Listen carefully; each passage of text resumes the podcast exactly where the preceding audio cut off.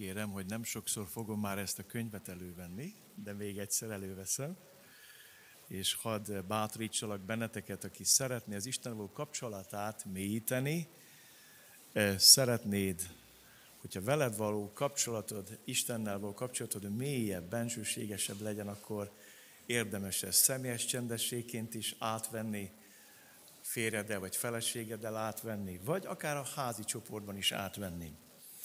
És ebből a bibliatanulmányból osztottunk meg a nyár során, sőt már a járvány végeztével, vagy szünetével, nem tudjuk, hogy mivel, ízelítőt ebből a tanulmányból, és már érkeztünk egy nagyon érzékeny témához.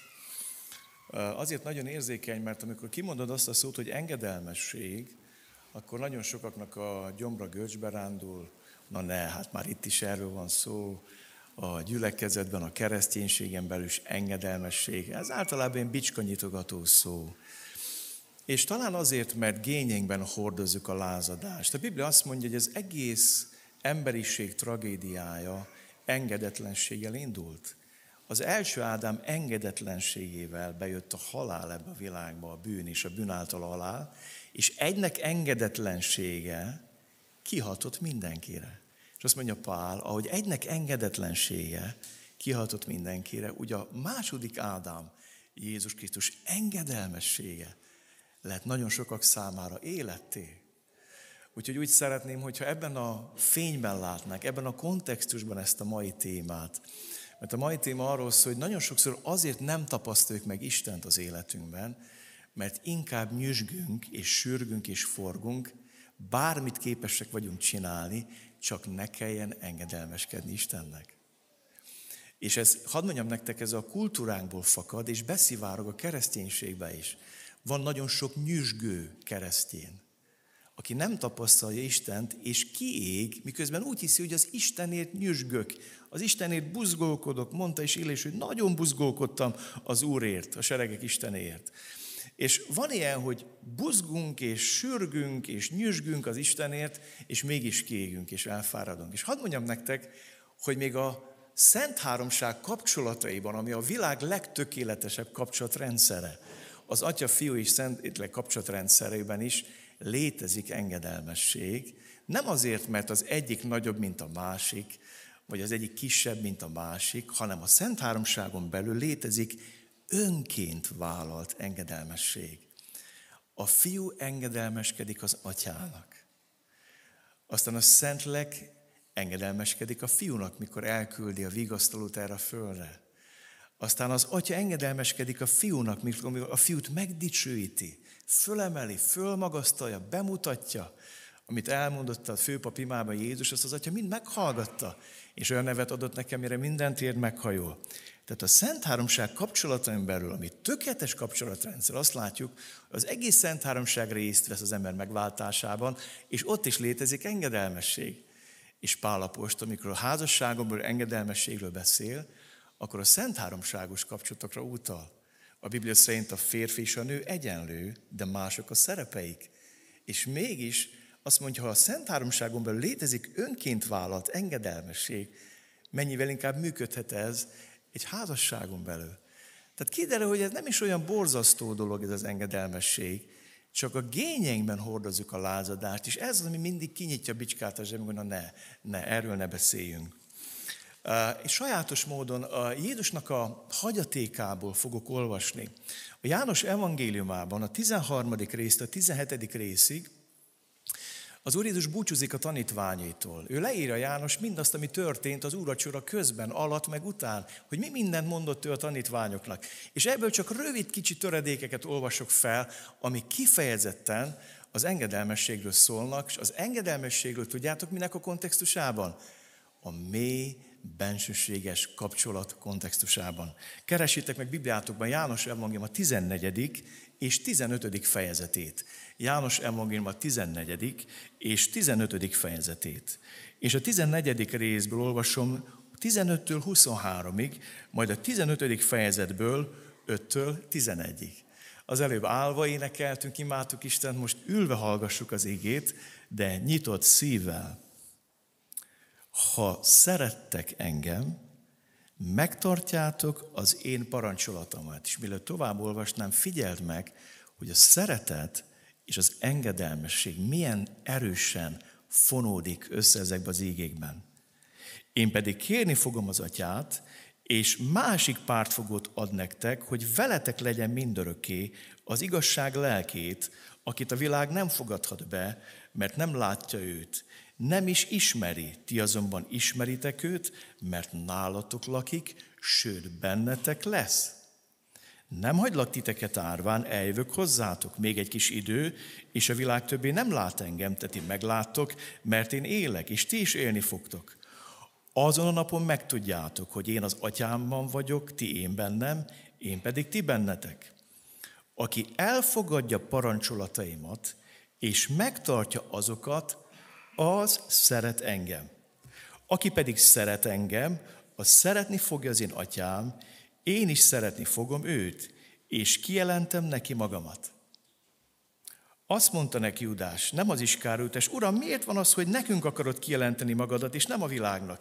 Jézus így válaszolt, ha valaki szeret engem, megtartja az én igémet, az pedig az én atyám is szeretni fogja, és elmegyünk hozzá, és nála maradunk. Csodálatos az ége. Az egész szent háromságról beszél Jézus. Én az atyában, ti én bennem, és a Szentlélek, mikor betöltiteket azon napon, megtudjátok, hogy én meg ti bennetek vagyok. Egy teljes helyreállás, újjászületés. Ez az igazi megváltás az Istennek, amikor az ember visszakerül a Szent Háromság ölelésébe. És hogy a Szent Háromság részt vesz a megváltásunkban, hogy dolgozik az Atya, a Fiú és a Szentlélek azon, hogy te visszakerülj egy élő közösségbe az Atyával, és engedelmeskednek egymásnak, úgy azt mondja Jézus, az iránta való szeretetünk fokmérője az iránta való engedelmességünk. És ha baj van az Istennek való engedelmességünkkel, akkor igazából az Isten iránti szeretetünkkel van baj. Tehát mindig vizsgáld meg a szeretetedet Isten iránt. Ma kialakult egy borzasztó, sekélyes kereszténység, ami, bocsánat, csöpögős és nyálas. Rengeteget szeretgetjük Istent a szavainkkal, az énekeinkkel, olvadunk el. De amikor a legkisebb dolgot kéri tőlünk, há hideg rász ki tőle. és úgy lázadunk, mint annak a rendje. És azt hiszük, hogy keresztjének vagyunk. És Jézus azt mondja, nem. A szeretet és az engedelmesség azok rokon fogalmak Isten országában. Gyertek, lapozzatok a 15. fejezethez, és nézzük meg 5-től 11-ig. Én vagyok a szőlőtő, ti a szőlővesszők, aki én bennem marad, és én ő benne, azt terem sok gyümölcsöt, mert nélkülem semmit sem tudtok cselekedni.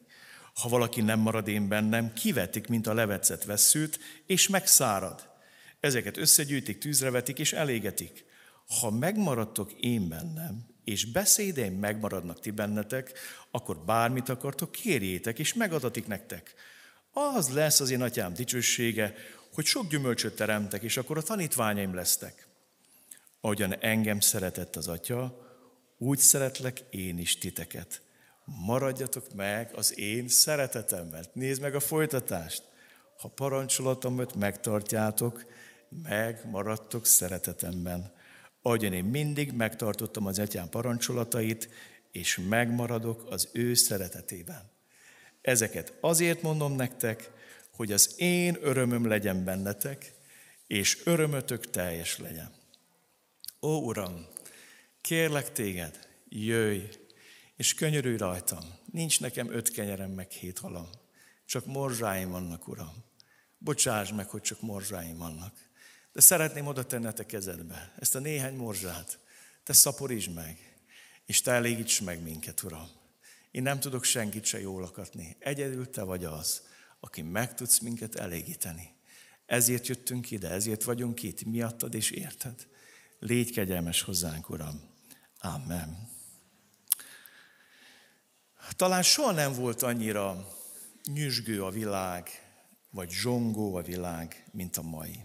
Úgy is mondhatnám nektek, hogy ilyen teljesítménykényszeres társadalomban élünk, egy teljesítménykényszeres világban. A számok világában élünk, ahol mindennek a végső mérője a pénz, a profit és a haszon. hogyan lehetne ezt emelni, hogyan lehetne csúcsra járatni, és sokszor az életminőséget is ebben mérik. Hogy attól emelkedik egy ország életminősége, hogy a GDP-je milyen nagy, mennyire dolgozták le az államadóságot, és hadd mondjam nektek, ezek olyan messze állnak a bibliai gondolkodástól, mint Makó, Jeruzsálem, hogy mondják, nem? tehát, hogy végtelen, tehát ez annyira idegen Isten országától, de mégis ebbe a világba élünk, és hat ránk. Az egyik testvérünk, aki a Mercedes gyárban dolgozik, elmondta nekem, hogy van egy 700 oldalas bibliájuk, idézőjelben bibliájuk, ami arról szól, hogy hogyan lehet az emberekből olajzottan működő robotokat faragni. Ahhoz, hogy a futószalag végén három perceként leguruljon valakinek az álomautója. Nem? Ugye milyen biblikus? Tehát, hogy, hogy megtervezik azt, hogy mennyit pihenj, mikor kávéz, hogy mozgasd a kezed, hova tedd azt a darabot, mindent megterveznek neked. Egy olajozott robot legyél, működjön a rendszer. Amikor gyerek voltam, akkor eh, vittek minket az aranykorszak, ez a Ceausescu korszak volt Romániában, az aranykorszak, vittek minket gyárlátogatásra, és hát nagyon utáltam ezeket, be kellett szépen öltözni, és bevittek minket egy nagy-nagy szürke gyárakba, ahol szürke gyárakba, szürke gépeken, szürke ruhában levő emberek építették a dicső kommunizmust. És a végén bevittek minket egy terembe, ahol grafikonok voltak, és statisztikák, hogy mennyit emelt a teljesítmény. És hadd mondjam nektek, az egésznek a, ez a teljesítmény szaga, hát úgy nagyon-nagyon taszító volt. Nem igazán nyert el a tetszésemet. És higgyétek el, ha elmegyek a Mercedes gyárba, akkor is érzek sokkal jobbat, mert lehet, hogy színesebbek a ruhák, meg szebbek az autók. Az egész miről szól? Teljesítményről szól. Egy robot vagy. És hadd mondjam nektek, a munkának van egy nagyon sajátos 21. pszichológiája. Olvastam egy könyvet, az a cím, hogy a kiégés társadalma, egy japán filozófus írta, és arról beszélt, hogy a, a diktatúrák azok megfélemlítő társadalmak voltak, tekintélyelvű társadalmak voltak. Volt egy nagy ideológia, ami alá mindenki besorakozott. Egyébként most lesznek új ideológiák. Tehát nagy azt higgyétek, hogy ez a nagy szabadság, amit hirdetnek az új ideológiák, ez szabadság, ez ugyanolyan zsarnok ideológia. Ha nem illeszkedsz be, kilógsz a sorból, akkor könyörten lecsap rád. Majd egy ilyen korszak következik, sajnos, hogy elég rohamos léptekkel, de látnunk kell, hogy tekintélyrendszer ideológia. Na most a 20. század ideológia a szabadságot hirdette meg a legmagasabb rendű értékként, az önállóságot, a függetlenséget, nincs fölötted senki.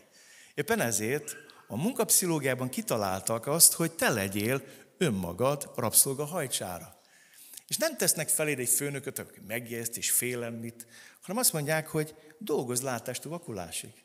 A home office-ban nagyon sokan elmondták, hogy sokkal többet dolgoztak otthon, mint a munkahelyükön.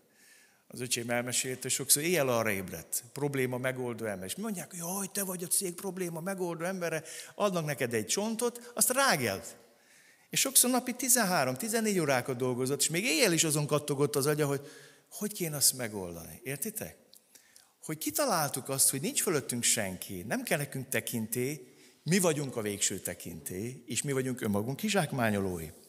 És nagyon sokszor beszivárok a kereszténységbe is. És a kereszténységet néha a fásultság, a közön kísérti, amiből Isten nagyon könnyen fel tud minket rázni, és olyan idők következnek, úgy hiszem, amikor Isten fölfogja, alapjában megrengeti a nyugati civilizáció élő kereszténységet, föl fog ébreszteni a fásultságból és a közönyből. De hadd mondjam nektek, van egy másik hatása a gyülekezeteinkre ennek a kultúrának, az pedig az, amikor a keresztjének is elkezdenek nyüzsögni, elkezdenek programokban gondolkodni, és azt hiszük, hogy ha sok program van, akkor él a gyülekezet. És minél több program van, annál jobban él a gyülekezet. És nagyon sok gyülekezet pörög, pörög, pörög, és kipörög, és nyüzsög, és még sincsenek gyümölcsök mert átvettük a teljesítmény kényszeres gondolkodást ebből a világból. És az Úr Jézus egy egészen más megközelítésről beszél ma.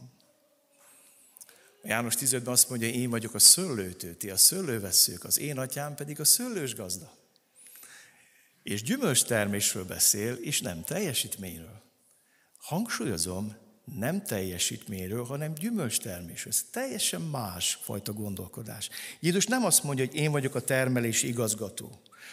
Ti a dolgozók, az én atyám a cég tulajdonos, azt a munkást, aki nem hozza a napi normát, kirúgja. Aki pedig hozza, az továbbképzésre küldi, hogy még nagyobb profitot hozzon. Nem ezt mondja Jézus. Azt mondja, én vagyok a szőlőtő, ti a szőlőveszők, mármint igazi szőlőtő, és az én atyám a szőlős gazda. Az én atyám az egésznek a tulajdonos, ő tisztogat kívülről. Én adom az életet a Szentlek által belülről. Ellátlak benneteket minden belső erővel, munícióval arra, hogy gyümölcsöt teremjetek. Mert a szőlő egy ügyű növény. A szőlőt csak a gyümölcsét termesztik. Én nem láttam még se az IKEA-ban, sem a Mömaxban, de még a klasszikus bútoráruházakban sem szőlőfa bútort. Nem csinálnak a szőlőből, még szövegnek se használják, azt mondja e, Ezékie, hogy mire jó a szőlő, hogyha nem terem, és levágják, és már ég mind a két vége, üszkös, füstölök, nem jó semmire, együgyű növény. Arra lett teremtve, hogy gyümölcsöt teremjen. És azt mondjam nektek, az ember és egy ilyen, idézzétek jó, értsétek jó, együgyű lény aki arra teremt, hogy Isten dicsőségére, az ő dicsőségére, ő tükrözze, ő rá emlékeztessen. Isten legyen az életközegünk, erre lettünk teremtve.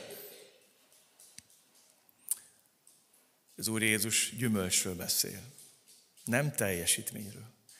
Bocsástok meg ezért a hasonlatért, de azt mondja Zsoltárok 127, az Úr ajándék a gyermek, az anyamé gyümölcse jutalom. Nem azt mondja, hogy az anya még teljesítménye, hanem gyümölcse. Az élet és a gyermek egy férfi és egy nő szerelmének, szeretetének a gyümölcse, nem teljesítménye. És itt mire utal Jézus? A kapcsolatra.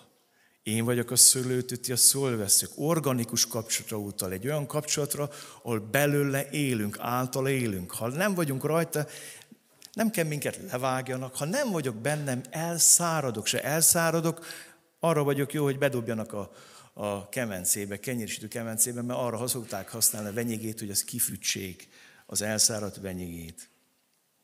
Hadd szóljak most nektek egy picikét a nyüzsgő emberekről a Bibliában. A Bibliában is vannak nyüzsgő emberek. Nem csak ma, nem egy új keletű probléma ez.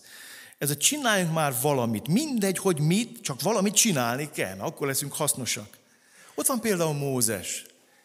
Mielőtt találkozott volna Istennel, hercegként ő próbált valamit tenni a népéért. Is elkezdett nyüzsögni. Ebben a nyüzsgésében véletlenül megölt egy egyiptomit. El is temette hamar. Ebben a nyüzsgésében próbáltott kibékíteni a, a, a népében levő feszültségeket, és hát be is köpték a fáról, és el kellett menükön. Megpróbált Mózes nyüzsögni. De egészen más volt az, amikor Isten őt elhívta, és azt mondta, hogy menj, mert én küldelek. Én döntöttem, hogy kihozom a népemet Egyiptomból. Ez az én tervem, nem a tied. És az a baj, mi fordít a lovon. Nekünk mindig vannak terveink, hozunk az Istenhez, és kérjük, hogy Uram, írd alá, áld meg, írd alá, áld meg, írd alá, áld meg. De a Biblia nem erről beszél. Isten nem nyüzsgésre hív, hanem gyümölcs termésre. Nem teljesítményre hív, hanem gyümölcsöző életle. És azt mondja Jézus, ezeket azért mondom nektek, hogy az én örömöm legyen bennetek, és hogy örömötök teljes legyen. Tehát Isten azt akarja, hogy ebben a vele való közösségben, meg te örömmel, és teljesen mindegy, hogy ma élsz, vagy diktatúrában. Ismertem nyolc református lelkészt, akiket bezártak börtönbe a diktatúrába. Náluknál boldogabb, jobbkedvű embereket ritkán láttam. Pedig nyolc évet elrabolt tőlük a börtön, a kommunizmus. És olyan derűvel, nevetéssel tudtak beszélni arról, amit bent megéltek. És nem úgy, hogy tönkretettek minket, mert rajta voltak a szőlőtön, és akkor ott teremtek gyümölcsöt a börtönbe. Mikor meg kikerültek, akkor kinkerültek gyümölcsöt, mert rajta voltak a szőlőtön. Nem a körülményeikből éltek, nem a körülményeikből táplálkoztak, hanem Jézus Krisztusból. Ott van illés. Illésnek nem az a baj, hogy nincs Istenen. Tudjátok, mi a baj illésnek? Miért éget ki? Hogy a társadalmi mércével méri az életét és nézi. És mikor elfárad és kiég, és kimegy, és lefekszik egy bokor alá, és azt mondja, elég most már, Uram, vedd el az életem, akkor Isten fölébreszti, megeteti, megitatja. Akkor visszaalszik, és nem üti, hogy hanem megint megeteti, megint megitatja, és azt mondja, hogy illés. Mi a gond? És annak az ételnek az erével elmegy a Hórep hegyéig. És a Hórep hegyén Isten föltesz neki kérdést. Mit csinálsz itt Illés? Nézzétek, mit mond Illés. Sokat buzgolkodtam az Úrért, a seregek Istenért, mert Izrael fi elhagyták szövetséget, lerombolták oltáradat, profétáidat megölték fegyverrel. Egyedül én maradtam meg, de az én életemet is el akarják venni. Nagyon dolgoztam, Uram, érted? És nem látom az értelmét. Miért? Mert a társadalom szemüvegével értékelem azt, amit tettem, és úgy látom, hogy semmi értelme nem volt. Megölték a profétákat, a oltárokat lerombolták, hogy esélyünk se legyen téged imádni. Engem is meg akarnak ölni, Uram, hát mi lesz veled? Aggódok érted, Uram.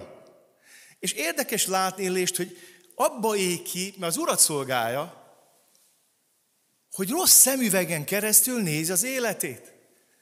Akkor Isten megnyitja a szem, és azt mondja, élés, figyelj csak ide, te nem tudod azt, hogy van 7000 ember, aki nem térdelt laba áll előtt. De én tudom.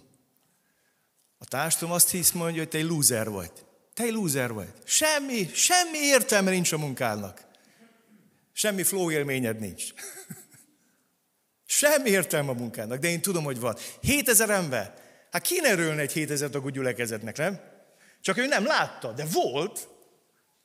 Aztán Illés, tudod, hogy van még száz proféta, csak te nem tartod velük a kapcsolatot. Magányos farkas vagy. Mi lenne, ha találkoznál velük? Elrejtett őket egy profita két barlangba. Keresd meg őket. És van még göngöd illés. Nincs utódod. Hát addig nem halhatsz meg.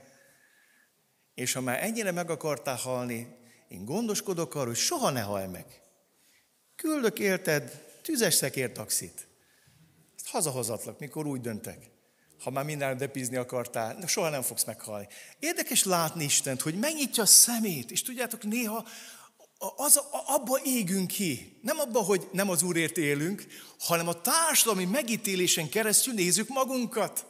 De felejtsd el ezt a szűrőt, mert nem ez a lényeg. Az a lényeg, hogy Isten hogy lát téged, Isten hogy értékel téged. És lehet a társadalom azt mondja, hogy te egy loser, szerencsétlen ember vagy. Isten pedig azt mondja, egy nagyon áldott szolgál vagy, és nagyon szeretlek.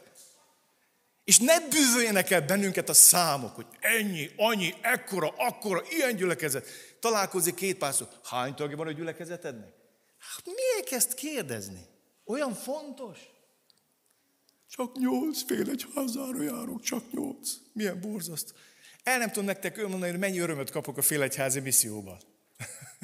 egy külön műfaj. Mindenkit ismerünk, mindenki mindenkit ismer, és egy egészen más dolgot kóstolgatok és tapasztalok Isten jelenlétéből. Érted? Ne engedd ezt, hogy eluralkodjon rajtad. Élésnek ez egy problémája. És Isten tovább vezeti. Aztán ott van Saul, aki értelmetlen áldozatokat hoz, és azt mondja, Isten több az engedelmesség az áldozatnál. Pörögsz, még azt is csinálod, amit nem bíztam rád. Vannak ilyen kényszercselekvéses hívők, tikkelő keresztjének, akik állandóan valamit csinálni, valamit csinálni kell, mert akkor lesz, lesz. Ne, ne. Maradj én bennem, ne pörög, ne nyüzsög, ne sürgölődj, ne forgolódj, maradj én bennem. Ott van Márta, sűrög forog Jézusért. Én is elkövettem ezt a hibát, családi találkozónk volt a hét, és egyszer azt vettem észre, hogy áldozom pörgök, hogy mi lesz, hogy kell, mit kell. Márta, Márta, mondja Jézus, sok mindenért aggódsz, és nyugtalankodsz, pedig kevésre van szükség a világban, csak egyre Mária a jobb részt választotta a jó helyet, amelyet senki nem vett el tőle. És itt ne állítsátok szembe Máriát Mártával, hogy Mária az a kis filozófikus, töprengő, merengő, merengő. És hát Márta a tenyes talpas menyecske. Nem. Mert azt mondja Márta, hogy magamra hagyott a munkába. Ez azt jelenti, hogy már is dolgozott, csak tudta, hogy mikor kell abba hagyni.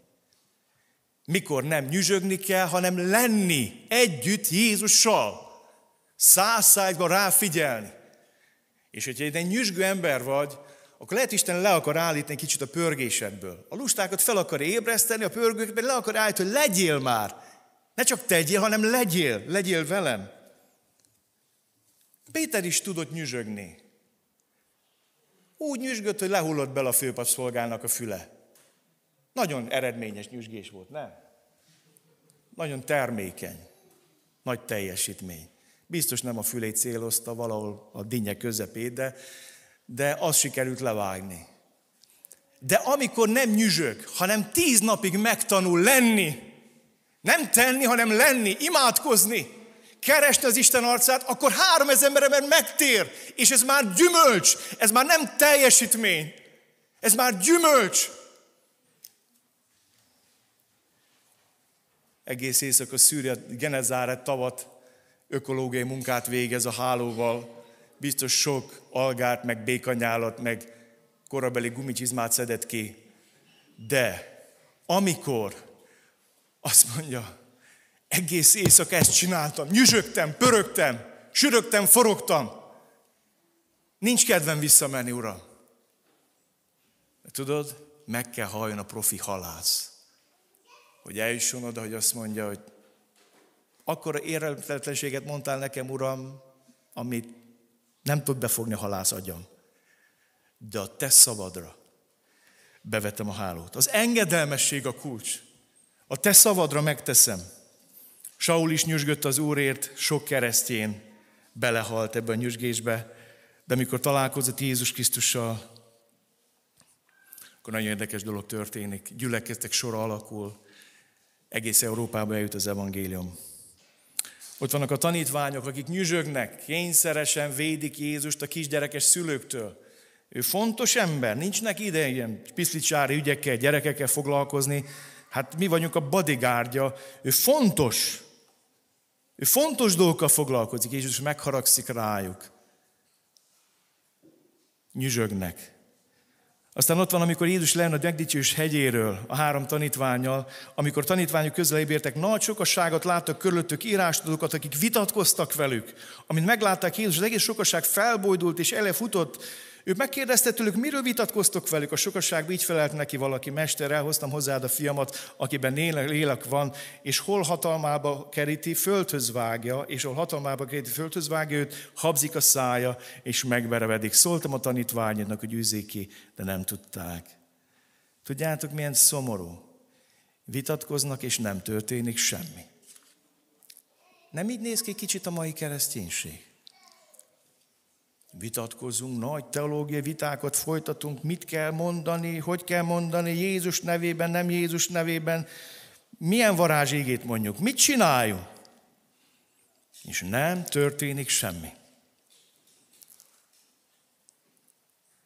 Elhoztam, de nem tudtak segíteni. És azt mondja Jézus, ó, hitetlen és elfolyult nemzedék. És a végén van bennük annyi becsőt, hogy megkezdik, Uram, neked miért működik, és nekünk miért nem. És a válasz az azért, mert azt hittétek, hogy nektek működik. Eddig sem tűztétek ki, eddig is én üztem ki általatok, csak a kapcsolatról megfeledkeztetek. Könyörgés és bőjt. Az a pünkösd előtti tíz nap, amikor a tanítványok együtt vannak Jézussal, és nem tesznek valamit Jézusért, hanem Jézussal vannak, vágyják, szomjazzák a szent lelket. És tíz nap után átélik azt, hogy Jézus beszél a János 14 vagy eljön a vigasztaló, és megértik, hogy Jézus az atyában van, ők a fiúban vannak, a fiú pedig Szentlélek által lakozást vesz bennük, és bezárul a kör, és belekerülnek a Szent Háromság erőterébe. És akkor belekerülnek a Szent Háromság erőterébe, akkor kimennek, és a lélek erével hirdetik az evangéliumot, és elkezdnek történni a dolgok de megelőzi azt az a tíz nap. Sokan nem értik, hogy miért beszélek annyit a hétfesti óráról, és azt mondjátok, hogy Sámel, neked ez a rögeszméd. Mindig a hétfőt hangsúlyozod. Hangsúlyozom, mert újból mondom, imádság nélkül nincs élet a gyülekezetben. Lehet, hogy azt mondod, hogy én Márta keresztény vagyok, testvér. Azok a kis együgyűek menjenek imádkozni, semmit se tudnak imádság nélkül, hát ők imádkozzanak. Mi a le, tenni emberek vagyunk. A lenni emberek azok jöjjenek. Hétfőn a tenni emberek azok meg nem jönnek. Értitek? Olyan jó lenne megérteni azt, hogy Jézus gyümölcsöző életet szeretne. És hadd szóljak nektek arról, hogy ennek az egész gyümölcsöző életnek a kulcsa az, hogy maradjatok én bennem. Maradj én bennem. Maradj meg a beszédemben, maradj meg a szeretetemben, és akkor maradsz meg a szeretetemben, ha megmaradsz a beszédemben, és megteszed, amit kérek. és ha megmaradsz a beszédemben és az én szeretetemben, na akkor elkezd gyümölcsözni az életed, ami nem teljesítmény, hanem következménye a kettőnk kapcsolatának. Magyarán előbb a kapcsolat, és csak azután a gyümölcs.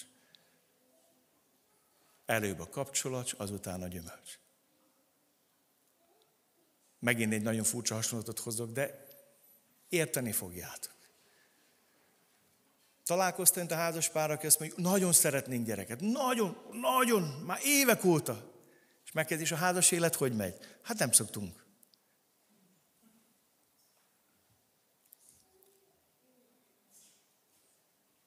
Előbb a kapcsolat, azután a gyümölcs. Maradj én benne, azt mondja Jézus. Ezt üzeni most a nyárnak a vége felé, a kétharmada, több mint kétharmada elment a nyárnak, ami a kétségbe esett pihenésről szól, hogy nagyon szeretnénk pihenni. De mégis tanuljunk meg lenni Krisztussal, tanuljunk meg lenni benne. És engedjük meg azt, hogy ő, az ő erője áradjanak rajtunk keresztül. És hadd mondjam nektek, ebben kulcs szerepe van az engedelmességnek. Megismétlem az igéket. Ha szerettek engem, megtartjátok az én parancsolataimat. Én pedig kérni fogom az atyát, és másik pártfogót ad nektek. Aki elfogadja a parancsolatomat és megtartja azokat, az szeret engem. Aki pedig szeret engem, az szeretni fog az én atyám. Én is szeretni fogom őt, és kijelentem neki magamat. Ha valaki szeret engem, megtartja az én igéimet, az pedig az én atyám is szeretni fogja, és elmegyünk hozzá, és nála maradunk. Figyeld meg, hogy végig itt a 14, 15, 14, ben az engedelmesség, az engedelmesség és a szeretet. Ha parancsolatomat megtartjátok, megmaradtok szeretetemben, ahogyan én mindig megtartottam az atyám parancsolatait, és megmaradok az ő szeretetében. Előbb a kapcsolat, azután a gyümölcs. És ez a szent háromságos kapcsolathoz vezet. Amikor átéljük a teljes közösséget az atyával, a fiúval és a Szentlélekkel. És van ebben az égében egy megrendítő egymásra utaltság. Én nem értek a szőlőhöz, csak nagyon kicsit. Nagyapám szőlőhegye az mindig jobb volt, mint a gyár látogatás, mikor ősze illatos volt a gyümölcstől, meg a gyümölcsfáktól, azt is tettek a szőlőbe, hogy legyen árnyék, ami alá le lehet ülni, a munka közben megpihenni. Azok nagyon mély emlékek bennem. Többször voltam falun, szüreten, barátok, vagy a rokonságban is. Az egy különleges élmény. Egy megtisztelő egymásra utaltság. A szőlőtő soha nem terem gyümölcsöt. Én nem láttam még szőlőfürtöt a szőlőtőn. A szőlőt mindig a szőlőveszőn látod. Ez azt üzeni számomra, hogy Jézus még a földön volt, Jesse veszélyeként, kivirágzott veszélyeként, sarjaként, maximális termést hozott. Az ő szőlőtőke az atya volt, még a földön volt, gyümölcsöző életet élt. Most elment a mennybe, nincs itt fizikailag jelen, és te és én vagyunk azok a szőlőveszők, amin keresztül Isten szeretne gyümölcsöt teremni. Megtisztelő egymásra utaltság. És úgy örültem annak, hogy István már érintette, és ezzel be is fejezem, hogy beszél a Biblia az emberiség történelmének leggyümölcsözőbb engedelmességéről.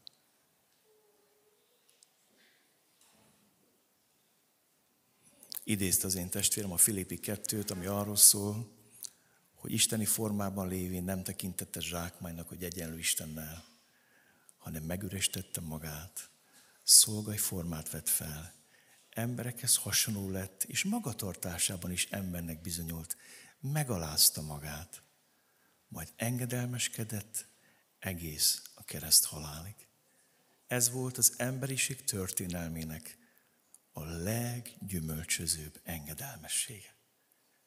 Amikor Jézus Krisztus annyira megbízott az atyában, azt mondta, atyám, ha lehet, ha lehet, ne kellene ezt a porrat kínni. De mindazáltal ne az én akaratom legyen meg, hanem a tiéd. És ezt háromszor elmondja az atyának. Megy ott egy nagy birkózás. Mert egészen más a mennyben igen mondani az atyának, és egészen más fizikai, emberi testben igen mondani az atyának a földön. Úgyhogy rád szakad a világ összes bűnnes szennye, terhe, a démonvilág minden ereje rád szakad. És ebben az állapotban azt mondja Jézus, hogy ha lehet, ne kelljen, ne kelljen ezt kíni, de ne az én akaratom legyen meg, hanem a tiéd. És figyeld meg a szeretet és az engedelmesség, hogy a fiútnak az adott erőt az engedelmességre, hogy tudta, hogy szeret az én atyám. Amikor bemerített engem János, akkor az, megnyílt az ég, és az atya azt mondta nekem, te vagy az én szeretett fiam, akiben gyönyörködöm. Szeretett gyermekem vagy. Nagyon szeretlek téged.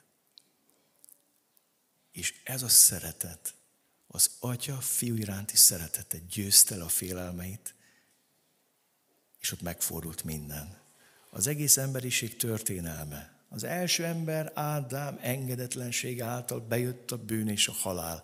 A másik Ádám engedelmessége, a kereszt halálig való engedelmessége pedig életet hozott mindannyiunknak. Döbbenetes ez a kép. Jézus legmélyebb küzdelme. Amikor igen mond az atyának, és engedelmeskedik.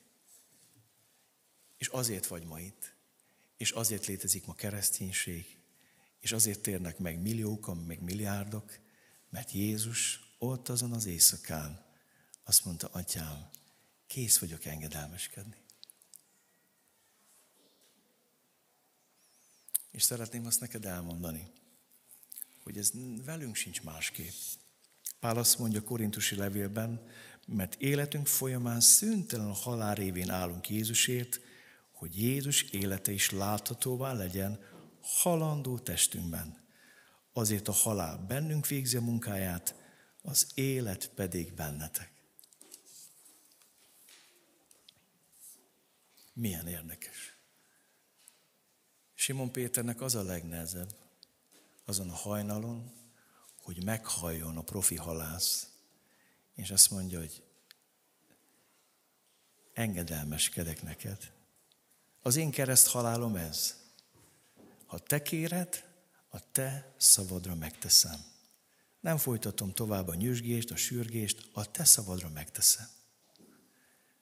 Hadd mondjam nektek, az engedelmességnek ára van. Olykor igen magas ára van. Jézus fizette a legnagyobbat. És nem állok nektek szirupot és hamis evangéliumot. A keresztjének engedelmességének ma is ára van. Egyre jobban beleszárazva. A jövőben számítsatok arra, hogy beleszárazva. Számítsatok arra, hogyha fölvállaljátok a hiteketeket, lehet, hogy kirógnak a munkahelyetekről. És ez nem kell fröcsögni, csak egyszerűen megvallani, hogy mit hiszel, mit gondolsz dolgokról, vagy lapítasz, mint a nyuszi. Nem tudom, érted, hogy ki kell mondani dolgokat, föl kell válni dolgokat, és számítani kell rá, hogy be lesz árazva az engedelmességet. Ilyen idők jönnek. És ez, ez, ez, a, ez a normális, hadd mondjam nektek. Ez volt az egyház történet során, és az egyház élt és virult, ára lesz. És ne jegyetek meg, amikor a világ és a társadalom beáraz az engedelmességeteket, gondoljatok arra, hogy Jézus Krisztus engedelmessége micsoda mérhetetlen gyümölcsöt hozott. És azt mondja Pál, a halál bennünk dolgozik, az élet bennetek. Simon Péter meg kellett halljon magának az, hogy tudjon engedelmeskedni Jézusnak. És döbbenetes látni ezt. És erről szól a kereszténység. Felfoghatatlan. Nem értem, hogy miért dolgozik egy Isten. Nem teljesítményről szól. Nem önmegvalósításról szól. Nem a mi megdicsőlésünkről szól. Róla szól. Minden róla szóljon, minden rámutasson, minden ő dicsőítse. Így dolgozik Isten. Így dolgozik. És szeretne használni. És szeretne megdicsülni az életünkben. És követnünk kell őt.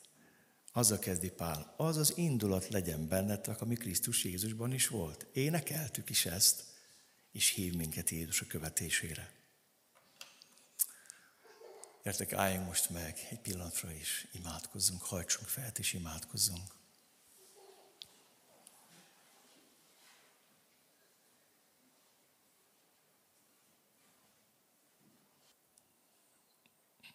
Legyen most egy rövid idő, míg csak csendben vagyunk. Én is elhallgatok, és legyünk csendben az Úr jelenlétébe, és beszélgessünk vele.